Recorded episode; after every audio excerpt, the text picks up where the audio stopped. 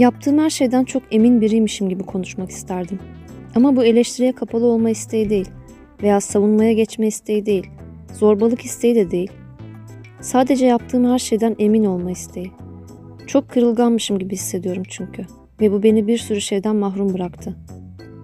Böyle aşırı naif olmak gibi. Ama kendi adıma bu aşırı naifliğin arkasında sanki fikirsizlik varmış gibi gelmeye başladı. Aşırı naifliğin tersi de her boka muhalefet olmak gibi düşünmüşümdür hep. Sanki orada da böyle o kadar fikrin yok ki. Her şeyi eleştirip her şeyi tiye alıp kendince huzur buluyorsun. Ve gece rahat uyuyorsun. Bende ikisi de çalışmadı. İkisi de duruşsuzluk gibi geldi. İkisini de kendime yakıştıramadım. İkisi de huzursuzluk içeriyor benim için. Bazı kaygılarımın üstüne cila çekip sanki böyle onları süslü bir sunum eşliğinde hazırlayıp sosyal ortamlarda görücüye çıkarıyormuşum gibi hissettirdi. Şu anki durumumu tam bilmiyorum ama içim yine bir huzursuz. Sanki hem fikir olduğum durumlarla hem fikir olmadığım durumları dengelemeye çalışıyormuşum gibi hissediyorum bazen. Ve bunun da doğru olmadığını biliyorum. Yani doğru demeyeyim de organik diyeyim. Bu yaptığım şey hiç organik değil. Zaten böyle bir şey yapmazsın kendiliğinden olur. Şöyle yapıyorum. Mesela bir şeyleri fazla onayladıysam, üst üste birkaç kere birileriyle hemfikir olduysam önce bir mutlu oluyorum. Vay be hiç kibirli değilim ya muhteşemim. Düşünsene birileriyle aynı fikirdeyim diyerek neşeleniyorum. Sonra düşüş başlıyor. İçime bir kasvet çöküyor. Ve kendimi eleştirmeye başlıyorum. Sen de amma boşsun ya, amma fikirsizsin diyorum kendime. Şu konuda yeni bir düşünce geliştiremedim mi yani diyorum. Sonra da birileriyle muhabbet ederken hemen ilk fırsatta bence öyle değil abi gibi cümleler kurmaya başlıyorum. Ama öyle bir yapıyorum ki bunu. O ana kadar ben de karşı tarafla içten içe aynı fikri paylaşıyor olsam bile son anda direksiyonu ters yöne kırıp yok ya bence şöyle bir ihtimal de var diyorum. Veya eskiden ben de öyle düşünüyordum ama artık farklı düşünüyorum falan diyorum. Halbuki eskiden dediğim yani 10 saniye öncesi. Kendimi bayağı dolandırıcı gibi hissediyorum. Sonra bir bakıyorum her şeyi eleştirip her şeye bok atmışım. Acayip vicdan azabı çekiyorum. Ne kadar acımasız biri olduğumu düşünüyorum.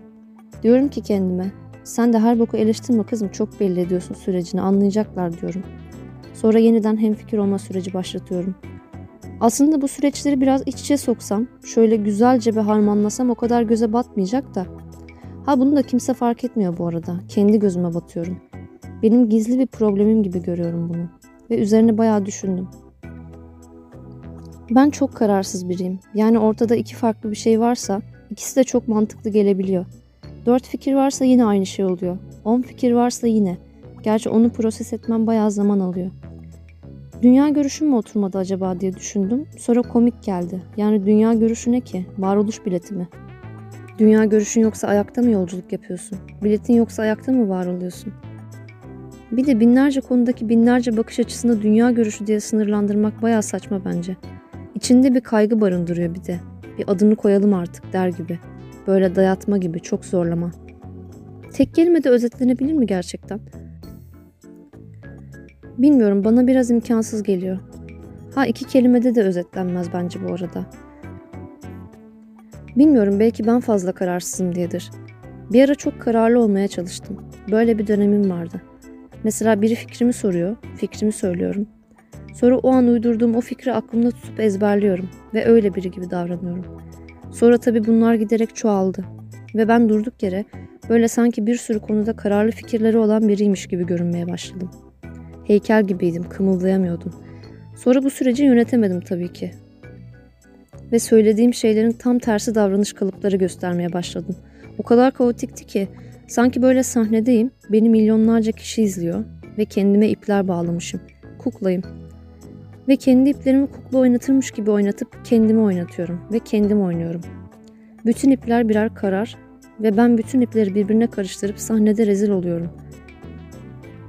Böyle anlatınca çok karışık oldu ama anladınız bence. Zaten düzeltmeye çalışırsam şu an bildiğim her şeyi unuturum. Neyse sonra işte ben böyle kendi kendimin kuklası olunca bazı akıllı insanlar bunu fark ettiler. Tutarsızlığımı bir noktada gördüler ve benimle dalga geçtiler. Ben de artık şu paketi uygulamaya başladım. Mesela biri fikrimi soruyor. Diyorum ki ya bilemedim ki şimdi ben bir şey derim ertesi gün tersini yaparım. Sağım solum belli olmaz. Bana güven olmaz falan dediğim bir evre oldu. Ama bunun bıraktığı imajı da sevmedim. Çünkü güven vermeyen bir tip gibi oldum. Bunu da nereden anladım? Karşıma bir gün aynı böyle birisi çıktı. Ve gözüme o kadar üzücü göründü ki hemen gidip dişlerimi fırçaladım, yüzümü yıkadım. Günah çıkarma gibi geldi o an bilmiyorum. Yani tutarsızlık konusunda da sözümde duramadım. Ki yani tutarsızlık dediğimiz şey böyle bir vaat bile istemez. Doğası budur zaten, bir vaadinin olmaması. Ama ben tutarsızlığa bile bir sorumluluk hissediyordum. Sanki sürekli kendi üstümde deney yapıyordum. Kendimi madde gibi hissediyordum ve kendi üzerime bazı düşünceler yerleştirip nasıl reaksiyonlar vereceğimi inceliyordum. Ben üniversitede dramaturji ve dramatik yazarlık diye bir bölümde okudum. Dramaturji disiplininde şöyle bir şey var. Kızartmayı neden sevdiğini bile bilmek zorundasın. İzlediğin filmde karakterleri analiz edebilmen lazım. Öyle boş boş izlemeyeceksin. Okuduğun kitabı çözümlemen lazım. İzlediğin oyunu açıklayabilmen lazım. Şeklinde entelektüel zorunluluklar kazandığım bir alandır dramaturji. Şimdi ben de böyle bir arka plana sahip olduğum için bokunu çıkarana kadar yaptım bunu. Dedik dedik ettim her şeyi. Sonra bana bir sıkılma geldi. Böyle bir film izliyorum mesela. Ama işte üzerimde bir yük hissediyorum. Ya analiz edemezsem ya anlayamazsam diye. Kitap okuyorum mesela. Bir şey kaçıracağım diye korkmaktan komple konuyu kaçırıyorum. En sonunda eh yeter ya dedim. Hiçbir şey okuyup izlemediğim bir dönem oldu. Sadece boş şeyler izliyordum. Okuduğum maksimum şey Instagram postlarıydı. Kafamı iyice boşalttım. Çünkü bir de zaten dikkat dağınıklığım var. Bir şeye odaklanmam zaten çok zor. Kaybolup gidiyorum yani. Ve entelektüel tüketim bende resmen anksiyete yaratmıştı. Kafamı iyice boşalttım ve artık acı çekmeye başladım. Çünkü benim sıradan pratiğim entelektüel tüketim olduğu için bunu yapmamak bana acı veriyordu. Kendime şunu öğretmeye çalıştım. Bir şeyleri sadece okuyup sadece izleyebilirsin. Ve bu bana ilham verdi deyip geçebilirsin. Okey? Okey. Sırf dramaturji biliyorsun diye insanlar böyle sana yüksek beklentilerle geliyorlar. Sonra normal birisi olduğunu ve aslında her şeyi bilmediğini fark edince hayal kırıklığı yaşıyorlar. Bir ara tabii benim de hoşuma gidiyordu her şeyi biliyorum zannedilmesi. Ama her şeyi bilmiyordum yani. Böyle bir şeyin ekmeğini yemek haramdır deyip her şeyi öğrenmeye çalıştım bir arada mesela. Ama hepsi çorba oldu. Sonra her şeyi öğrenemeyeceğimi kabullenmeyi öğrendim. Ve her şeyi öğrenmeme gerek olmadığını da kabullendim. Ve esas rahatlama ondan sonra geldi. Omuzlarımdan büyük bir yük kalktı resmen. O gereksiz sorumluluk hissi kayboldu. Bu sorumluluk hissi şuna benziyor. Mesela bir oyuncu var. Ben onu başka bir dizide izlemişim. Şimdi başka bir filmi izlerken karşıma çıkmış. Hemen o sorumluluğu hissedip ''Aa şeydeki adam bu. Aa bu kadın şeyde de oynuyordu.'' diye belirtme ve altını çizme ihtiyacı. Neden? Bunu tek yapan ben değilimdir eminim.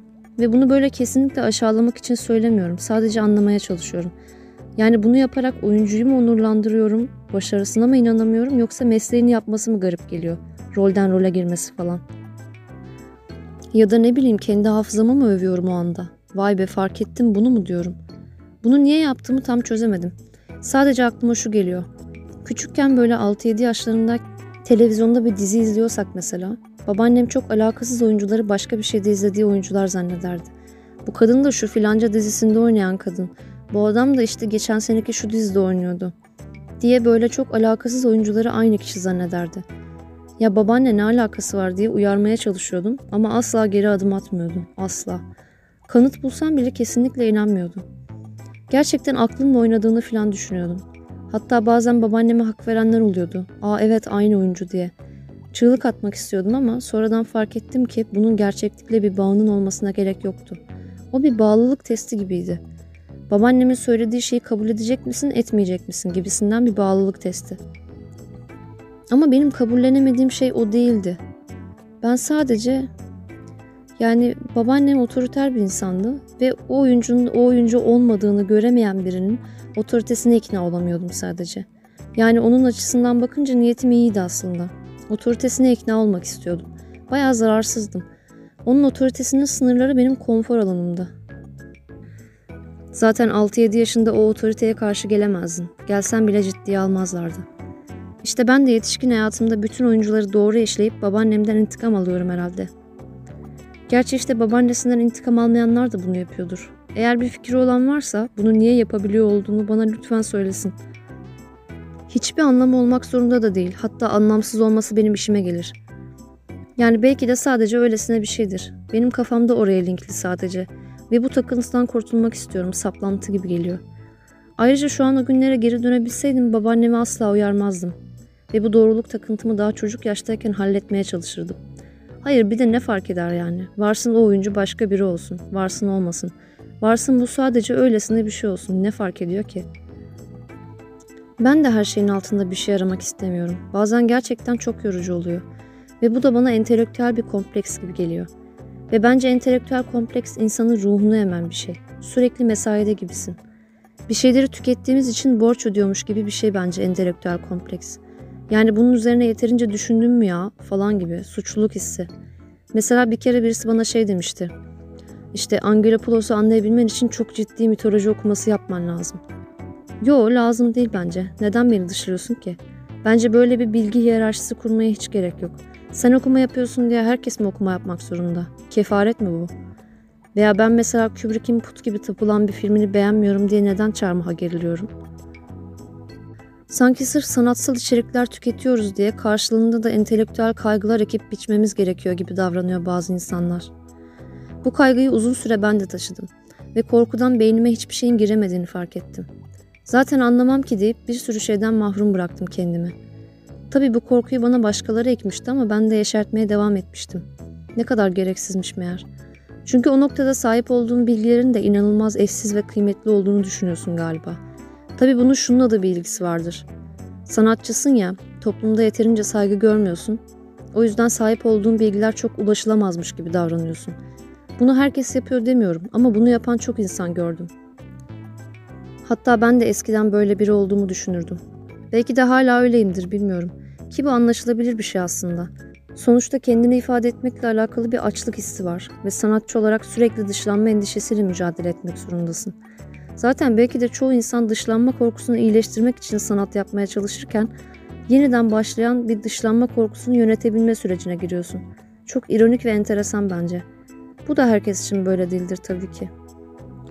Ama dürüst bir şekilde söyleyebilirim ki sanatla uğraşıyorum diye kendimi özel hissetmiyorum. Eskiden hissederdim ama artık hissetmiyorum. Hatta bazen elektrik elektronik bilmek bile daha özel geliyor. Bunları sanatı değersizleştirmek için söylemiyorum ama kötü bir haberim var. Dünya üzerindeki bütün insanlar dünyadaki en önemli şeyin sanat olduğu konusunda hemfikir değil. Ha bu önemli mi? Hiç önemli değil. O yüzden bir şeyler anlatmak isteyen herkes anlatmalı diye düşünüyorum. Yani yazarlar ve yönetmenler sihir falan yapmıyorlar. Sadece sürekli bunun üzerine düşündükleri için o yönleri gelişmiş. Ve bu özelliklere isteyen herkes erişebilir. Ha dramaturji ve eleştiri kötü bir şeydir de demiyorum bu arada. Bir şeyleri anlatmak istediğin şekilde anlatabilmenin yolunu sunuyor sana. Bu güzel bir şey. Sonuçta bir şey üretiyorsan bir sorumluluğun da oluyor. Evet bir parça risk taşıyor bunu kabul ediyorum. Sonuçta karşı tarafta bir alımlayıcı var ve ona bir şeyler aktarıyorsun. Sonra birileri doğru şekilde aktarmayanları uyarma görevini üstleniyor. Kimin ne kadar umurunda bilmiyorum gerçi de. Binlerce şey devreye giriyor. Kesinlikle garanti bir yolu yok sanki bunun. Ama benim kastettiğim kaygı bu değil zaten. Benim kastettiğim kaygı entelektüellikle alakalı bir takıntı hali. Entelektüel kompleks. Yani bir şey yaparken, üretirken veya tüketirken yeterince entelektüel mi gibisinden bir takıntı. Ya da işte entelektüel bir baskı hissettiğin için bazı filmleri izleyememek. Mesela yeterince entelektüel hissetmediğin için Tarkovski izleyememek. Bir gerginlik hali. Tarkovski tüketmek istemeye de bilir bir insan. Ama bu korkudan değil de bir tercih hakkı olmalı. Korkudan olması bana çok yorucu geliyor. Ben sırf anlamsız olur diye hiçbir şey yazamıyorum bazen. Veya çok anlamlı olur diye de korkabiliyorum. Otokontrol yarattı bende bu durum. Saçmalamayı unuttum. Ve aslında en güzel şeyleri hep saçmalarken yaptım. O yüzden mükemmeliyetçilikten çok sıkıldım. Bazı yazarlardan veya yönetmenlerden Allah gibi bahsedilmesi hoşuma gitmiyor mesela. Sanki yeterince entelektüel değilsen o çembere giremezsin gibi bir algı oluşuyor çünkü. Bunu kafamdan uydurmuyorum. Buna çok fazla tanık oldum. Herkesin sıradan olabileceği fikrini bir kabullensek o kadar rahatlayacağız ki. Bazen bazı içerikleri sadece tüketsek olmuyor mu mesela? Niye sadece tükettik diye kötü hissettiriliyoruz? Niye borçlu hissetmemiz gerekiyor? Alt tarafı film izleyeceğiz. Niye ritüele çeviriyoruz olayı?